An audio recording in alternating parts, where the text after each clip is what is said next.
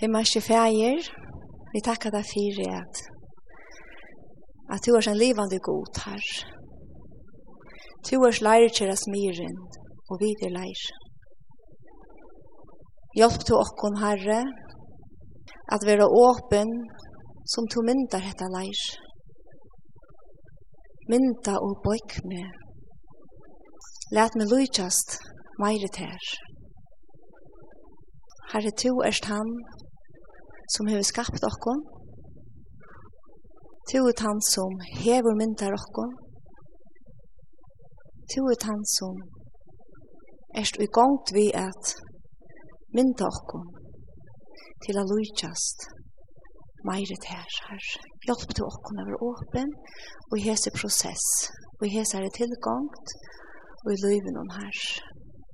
Tu veist hver vid er bare nu, tu kjenner okkara omstøver, og to innskjer av vera sema vi okkon, og i okkara glede, og i okkara sorg. Takk for at du er stand samme, og i jar, og i er, og i det, og til evig at. Amen. Tar vi hitja etter uh, bautsjene så vi tar gjørs nu, tar sånne vi er, så nevnte Jekvan hetta at det er ofte ein plott, vi er en sjånleidje, eller en filme. Og så lasna er det eisen ofta og i eventyr. Vi kjenner nok öll okkara um, Disney-søvnar om eventyr. Vi leser det til bøttene og vi hittar ofta etter hos en eventyr. Og ofta er det byggt opp så lasna er, ja, Vi kallar det å være heima, ute, heima. Det er det kjent og godt så hender det okkur, men så enda det at det går stans. Så da snart kommer vi faktisk eisen hitja etter Naomi i Rotsbok. La dere bygge av det ene det er vi har lesa fra kapittel 1 i Rotsbok, altså i 295. Og jeg bygger vi å lese fra vers 19. Ter boar, Rut og Nomi, ter hilde så leina fram inntil ter komu til Betlehem. Men ter ter komu til Betlehem, kom røringur i atlan stegin, og kvinnerna skjøtte, Er det ikke Naomi? Men hun sa jo litt her, katten hun ikke Naomi, katten hun Mara. Sin alvalde huvud lærte nekkonsol kom inn. Rui kom inn hjemme, og prata han til han rundt, leit meg om alt. Vi kallar bygden med åni, han heier med ristna i måte meg, og min alvar med vaten av denka, så bygden. nå må min heier oppleva nekkansvig og oppsynja nekkansak. Men så mykje på navnet Nomi, så merker til hin lukkulige eller hin løkta. Foreldre hennara går igjen hette navne, så nok ekkjent i henne, og ta ekkjent i eisen til tarra dreymar og tarra innskjø vi hennara liv. Jeg skulle ekkjent hennara linde og hennara lusvir. Det yngste at hon skulle være lukkelig og nøgt. Men så kom Eli Melek inn i liv hennara og tok henne ut ur Betlehem, borster ur Betlehem. Hva var det som hendte i Moabs land? Det var nekka som hendte her, og hun gjør det spask, og det er det som lyser ut av liv i hennara. Og det var til jeg nekka det rant fra henne. Kanskje sier to her i morgen, og føler at nekka er rett fra terreis. Navnet Mara merker beiskleit. Nomi, hon er ikke langer enn da lukkelige, nøkta, fitta, milda, beheilige og elska i kvinna. Nei, da hon kom atter, nu var hon vår en beisk, hør, hon var vår en hjersta knust. Og hon gjør faktisk godene skyldene for det som var hent i henne løyve, medan hon var ute i Moasland. Hon er fyllt av seg sjølvare, er egne sorg, hon ser heller ikke at rot er en lier i henne grøyngaprosess. Hon hever mist alt.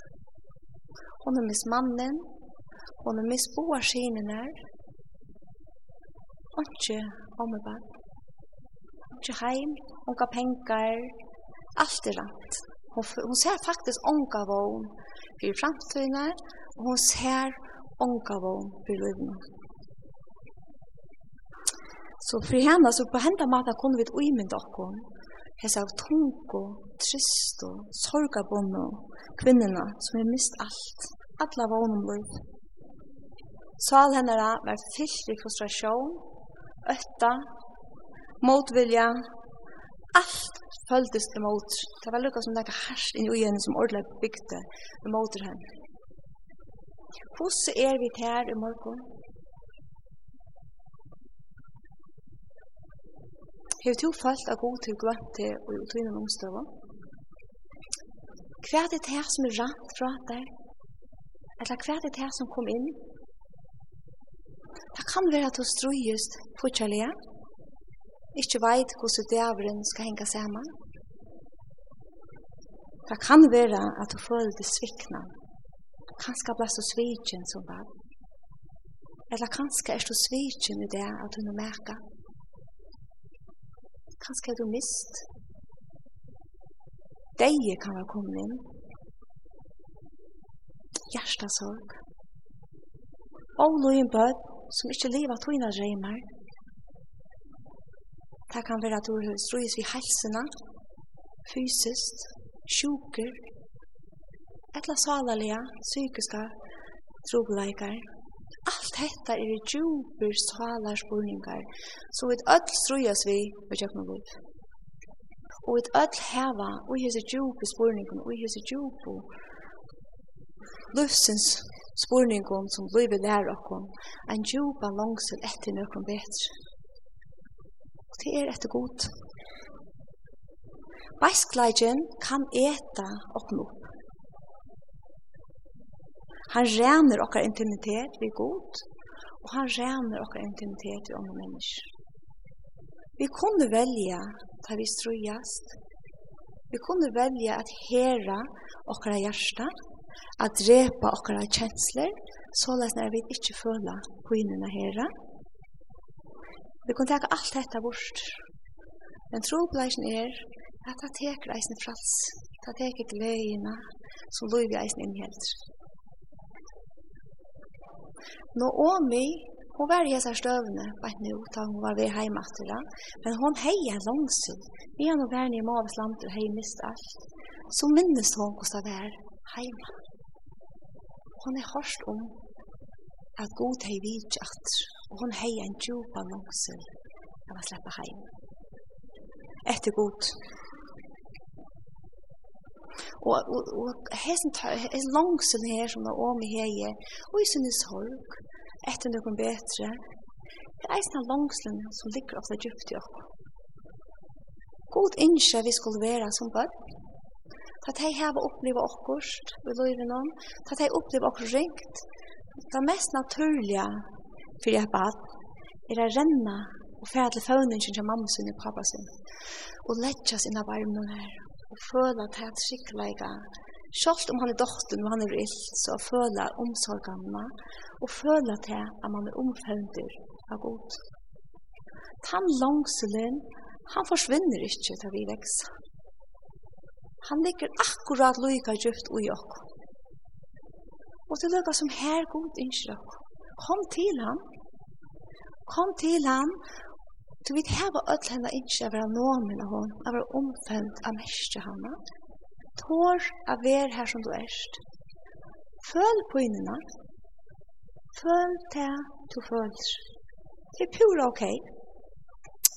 Sorg, saknor, pina, reie, Det er alt parster av livet. Og et eie over åene, til som er rant fra ok. Et eie over å, og et eie at håra, at mestja pynina som fyllt vi. Vi tog, og jeg sier ikke ut her vi tar mist. Da kommer vi til at det var noen av god. Vi leser vågjere i Luka Hoppe her til endan av rotsbok, og leser Luka fra det sørste kapitlet, kapittel 4, vers 14. Ta søtte kvinnerne vi nå omi, lova vår være Herren, som ikke let her fattes, løser i det. Og navn hans er vi prøys og Israel. Han skal være til her trøstare og hjelp tøyne og ettels år. Tøy sånne kunne han tog inn, så det kærleika, hever ått han, og hon er betre enn tjej sin. Nå om vi tog noe badne, leie til i penge og er fostermor til seg. Så når om vi hendet baska Mara, som helt av lov i henne var liot, at atten ikkje får gjøre, hun sier det nå, hvis hun luttler badne nå i pøvnesen og gjør vi til liv. Hon var vid mynda til. Det som hon har vært gjøkt noen, det som hon har lært av livet noen, kom til hon nå, før av er. Hon var ombrøtt, henne Mara ble ombrøtt aftur til disse lukkulige og nøgte da omi. Og hon fikk eisen i egene oppfyrt tog at leiene gjøkt noen brottna dreymar, mynda i henne, henne, og gav henne en enn djupare løy. Det er tvei ting som jeg halte vi kunne læra fra løyven og kjønne Åmi her i morgen. Det første er til at brottene dreymar er i områdene fire antallige vokster. Brottene dreymar er i områdene fire antallige vokster. Mina rønter av eisene lars med til at jeg tar i her opptavet følt mest einsam, mest sorg og pøyne, at Herren har vært mest til stig. Da jeg har løft meg selv om jeg sier ikke. da jeg har løft meg selv om jeg føler, da er jeg som til noen av hånd og meg. Og det er som det som er vi til å mynda okkom, og til jøkken hesa brottna dreymar, at vi gjerast hånd og meg luk. Det nasta vi lærer er at Okkurs vekurs livur etter brottna dreymar, og ta sast og ta best, ta i vid loja. Enda testa. Okkurs vekurs livor alltid etter brottna dreymar, og ta sast best, ta i vid loja. Tu hur eisen tuina rønt, tu hur eisen tuina brottna dreymar, Og du var minnast til at erst du her bare nå har du følt hos mitt ui en av brottens røyme. Røyn så til at god er virkelig her til stier, sama vitter, at peikar av det at det vekra, at han er faktisk vidt til å skapa nega vekkors ut der, og tjøkken hesar. Lojengar, og tjøkken hesar poino, som tors ui på henne. Han hever godt nega servet, akkurat til tog og hese stund så til jeg søker han og Jesus eisen. Tekar vi dette alltid til eventyr, så vet vi ofte at vi søker ta, ta er det näka at ta er som vi sier, vi sier heima, ute i heima, og så livet de lukkelige inntil resten av tæra døvåna. Men såleis er det kristna liv. Det kristna liv er ikke såleis at vi blir frelst, så endar et sorg, lojeng, pina og vrei. Nei. Løyver ikke åkken, det fer for halda også. Vi får avhaldande er heva brottna drøymar. Så god innskjer at skapa det vekra ui åkken, atter og atter, heilt inntil vi koma heim. Ta vi koma heim i dordina, ta færa vid at liva, lukkulia, ui atler er. Amen. Hun har tøtning. Und det betyr hin elskar jeg. Det er som jeg spør, sier hin elskar lian. Karita, og det betyr nøye, eller hon som viser nøye. Jeg kvann, det betyr ikke nekka som helst. Det er bare livet vi. bok er en bok som uh, er den eneste boken i Bibelen som uh, forteller søvnene i jøknen nøvnene i Bibelen. Uh, eneste boken i uh, Bibelen hver alle personene som heva uh, en eller annan høvesfigur, etla eh, sujefigur, vera nevnt i nøvn. Øtla har tøtning. El Melek byrjar disse søvnene. Søvan om henda mannen som eh, bär et navn som betyr god er konkur. Eli betyr god, melek, og hebraisk betyder konkur. Og faktisk er det bent så at Gud er min konger. Ta det byrja gang gitlam. Misser han trunna ui til navnet som han bær, og til karakteren som skulle bæra, det som han skulle bæra til han bær sitt navn. At det trygg vi er Gud er min konger. Og så kjøtt som målgångt vær. Og hunker kom. Og vånløse kom inn. Vente han kongen sunne kanskje bætsja. Og som ånden har mynt okna av i det, at det er så øyla kjøtt ta og i meg som er inne i okra loiv, at vi missa tunna og at det er navnet er god er konkur, og vi færre. Og tog er hendan godfrøyen som, som, som, som rotsbog lærer okon at det er herr at ta i vi missa egini av av god er kongur, av et liv av korsen jo i hesson, at det sykker enn er kongur. Men det gjør det med ille melek ikkje. Som gjør det til at, at konan seg som merker hinn lukkelige, hinn nøkta, var tidsen ur sin land til, lang, til land lengt bostur, og hon kom her til hver hon asana og var ærlig nok til at sia, er mara, er, er bask,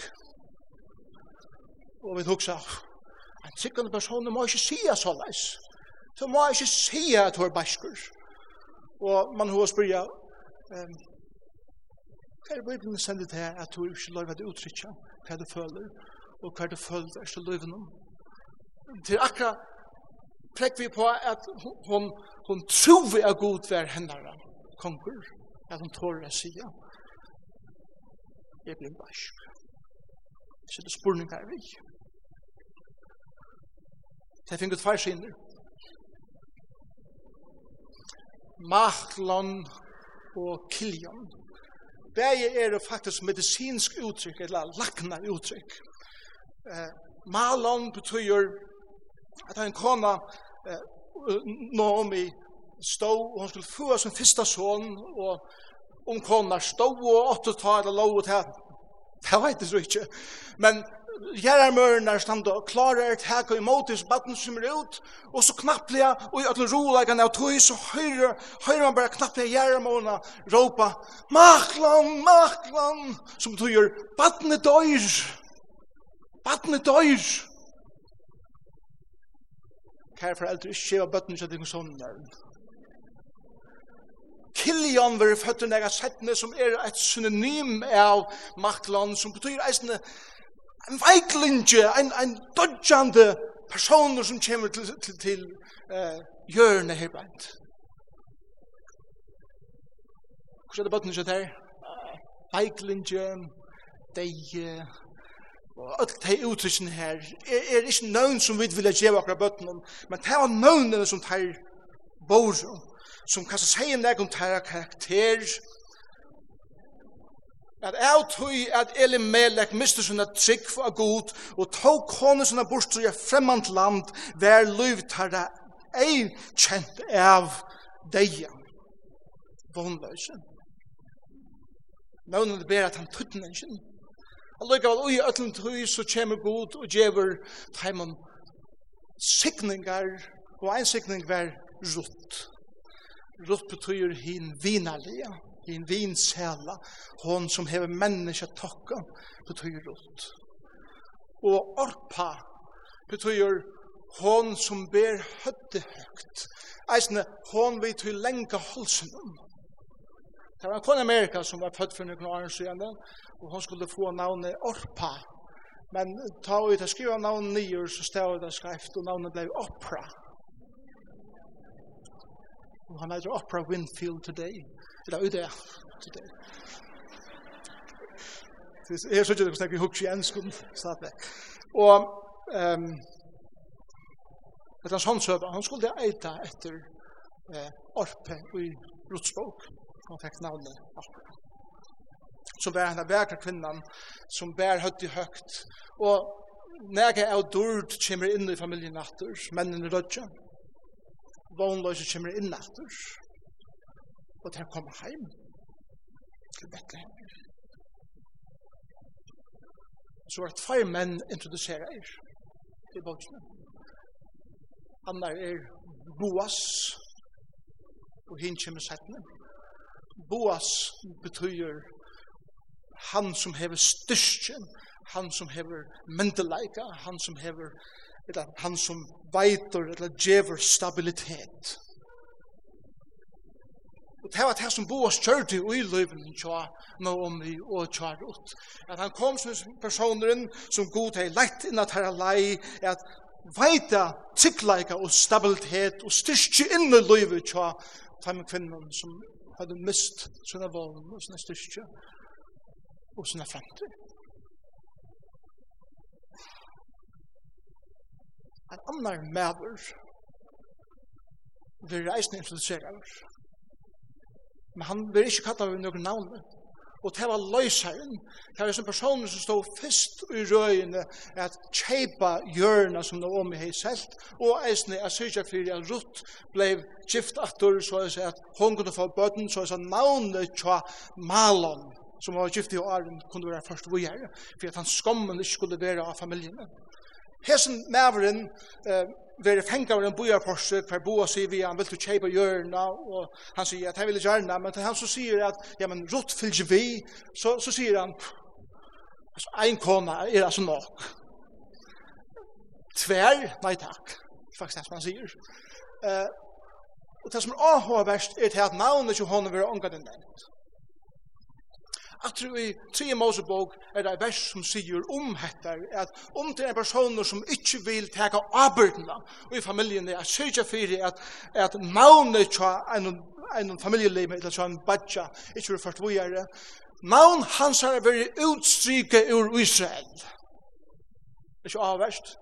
Navnet tja hans personen blir ångade nevnt til at navn hans har vært en vann er det at han ikke vil teka avbyrd for en navn vi er, og Boa sier, jeg skal være løse henne. Og han løste, han frelste, han gav vogn og liv atter til en familie som er mist alt. Og hva få av det? De få av åpent, fitta, fantastiska drøntjen, som betyder han som tæner. Han som tæner. Og hans har oppgave til vi läsa som ond läser i versene eh, i, i fjorda kapitlet. Og så, så, så sier vers Seidjan, og granna konna søtte, Naomi hever finnje son, og tar gå honom navnet Obed.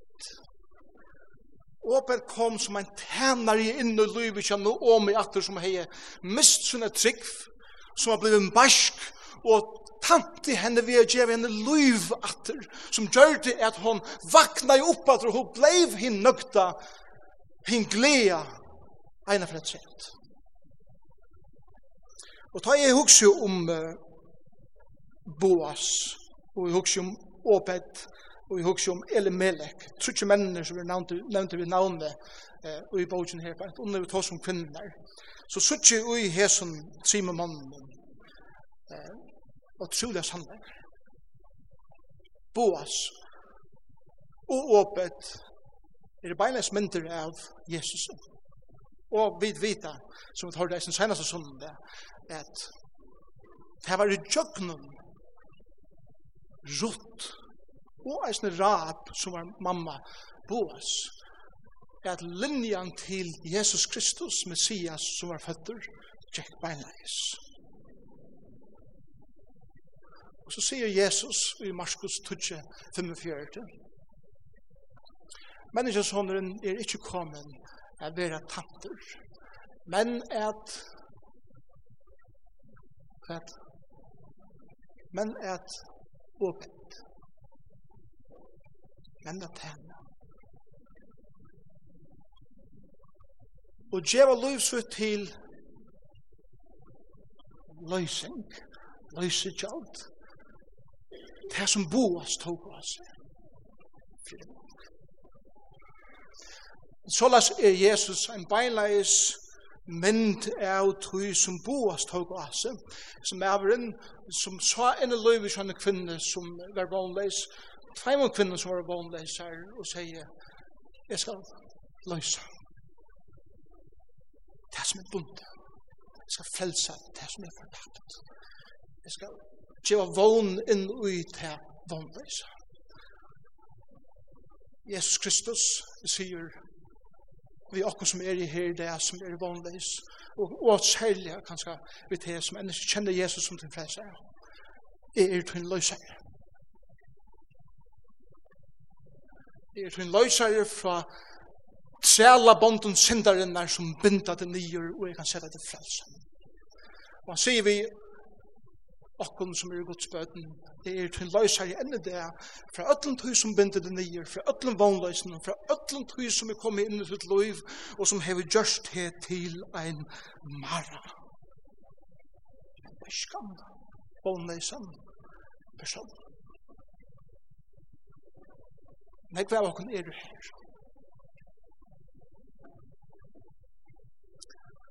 Og Jesus sier, men er jeg snu åpent, uten blitt, at henne der. Vi husker om det som vi så til morgen og brotet av breien om, og tog på kallekjen, mennast hva det er som Jesus har gjørst, Altså, mynd er, jeg husker om det som vi så til, at hvordan fantastisk er det ikke, jeg vet ikke sier i morgen, der kommer Jesus. Han sier vi åkken, for et hit velkommen. Det er som bjør og tikkun til bors. Vi tog fri eia, at jeg kan lade meg ur iver kapen, og bøtja meg nye, og vaska til tikkare føtter. Være tikkare trælder, og være tikkare tæner så så tid ikkje bare kunne leva bedre til kvar kom først, men få ein og fire at det som er gjerne kalli eisen tikko til å gjerne. Han er okkar fire mynd er vera okkar åbett, er vera okkar tænare, så så vi kunne lære at bliva som åbett og tæna menneskjon som heva mist vågna og som er mara. Det skapar liv til okra brøren, okra systrum, okra kjennegum, og ta en folkene som vi omgangast til okra daglige. Kristus er allan vegen i jøkken skriften der, fra byrjan til enda. Jesus sier det sjolver, ta ui han tjekk no opprestna, vi ta en barn som får til Emaus, og han sier, skriften der, tala om meg. Og ta vi lesa Rutsbog, eller lyda mykje kvar bók det er, så spyr jeg alltid spurningen hver er Kristus i bókjen. Og vi sørger Kristus så ommedelig av vekran i Boas og i Åpet, som bjóar tær og det og mer av vera til en løsare, og av vera til en tænare og fire minutter. Og så hugsi om Elimelech. God er min konkur. Og jeg spør spørningen, hva hva måtte det være som gjør det at Elimelech valgte å røyla? Og at djev hettar opp at sikva av er god enn konger. Teksten sier det ikke beinleis. Teksten sier ikke akkurat kvui, annet til at det var hunkersnei og så videre, men, men hva er det som, som hender personlig i løyven min tja, eller melek? Møvliga er eit av sfæren om hettar.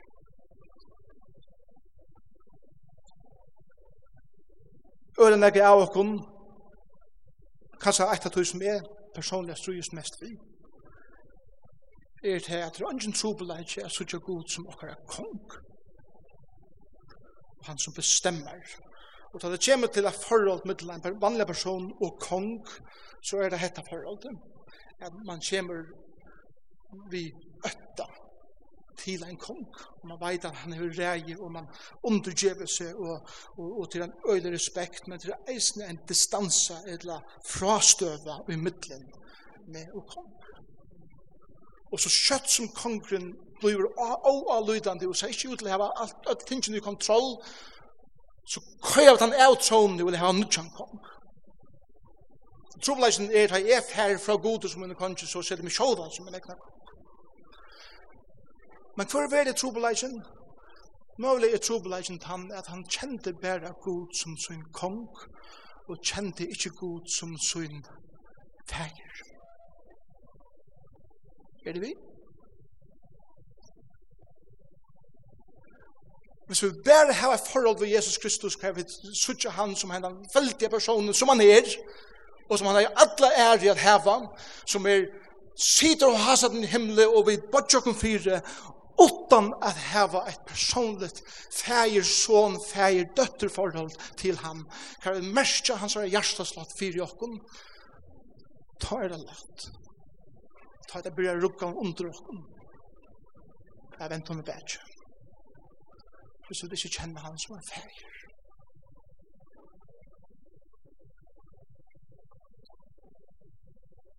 Kanskje hatt etter tur som jeg har strust vi mest og i kjøkken mitt liv.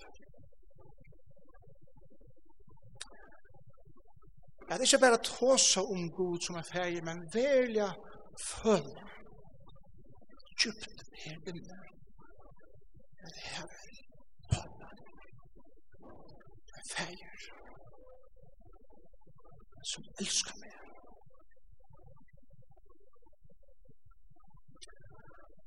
Og som ta ut her, så blast undan meg. Og jeg misse fota festen. Det er just mist i middelen med og han som kong, det er du ikke suttja kuss han styrer. ta i heve dette fotafeste at hetta er mun feir som ein veit ikke slipper mer. Ta kan det standa. Og det er essensen i Rutsbok, og det er essensen av det som hun hever eh, lært okken i det. At du føler helt sikkert flere ferner ut i livet at livet sablas undan mer. Man god vera færen fra mer.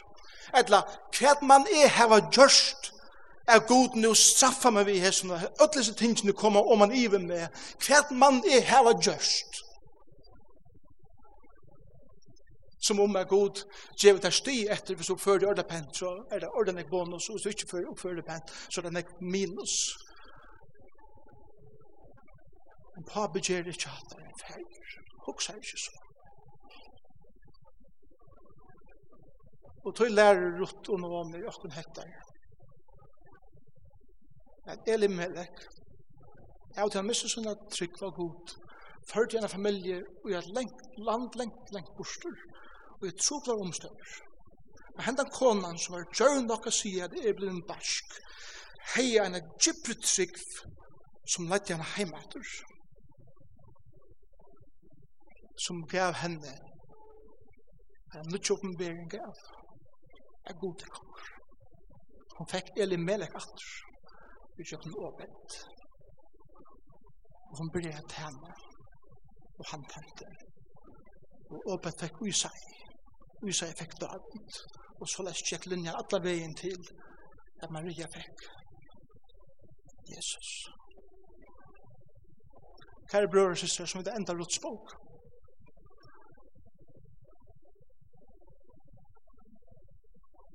til levde vel og lunge her etter betyr at livet til åkken gonger vi herre. Vi må gongt og vi gongt. Kvill ui er god er tøyn god. Eisen synes det misser alle bånd. Og alt vi tidsi prater. Ta er han tøyn god. Ta er han til verska. Ta gjerra sitt versk. verska. Ta er han til skal be sammen.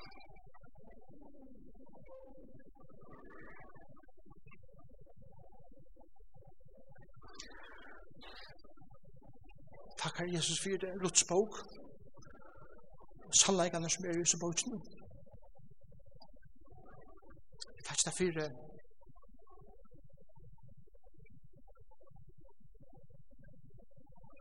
at du minner dere nå at Tu er okkar løysar, Tu er okkar tænar, Tu er okkar fire mynd, hvordan vi skulle forhalda om deg til tøyen og til andre mennesker. Jeg bygge og bønne til Herre Jesus om at vi ikke skulle være en samkommer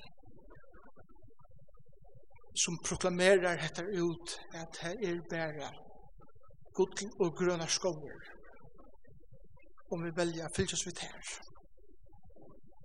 som om at du ikke er til stier her nere i kålkjattlæren og inne i elden.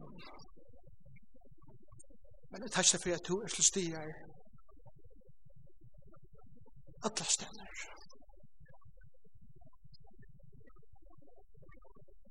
Bjørgum fra hesson at halte at ta vi svara rønter koma okkar liv, at halte at du er vekk, og ta alt hever vikongt, ta er stund nær. Bjerg okken fra huksa så leis god. Og hjelp okken er at læra at huksa som tøyne bøten heter, at lyga mykje kvæt, så er to en sammen. Og du gonger for syne er mer, ut, staver tøyne, kjepper tøyne, her verja meg. Vi takk det heilig andre for at du har innsiklet som hever stafest at du skal leie okkur okken allaveg heim heim til tøyn, heim til fægeren, og heim til okkar brukka om enn det. Og Jesus er navnet banne i båskapet satans, som sender sånne pylar inn i okkar hjørste, og fær okkar av vera vantrykk, og a sida spørsmålstekken vi for to erst.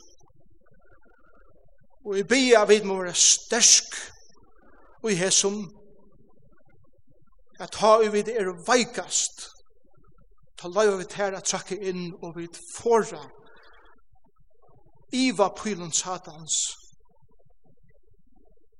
Jeg vil avmakta til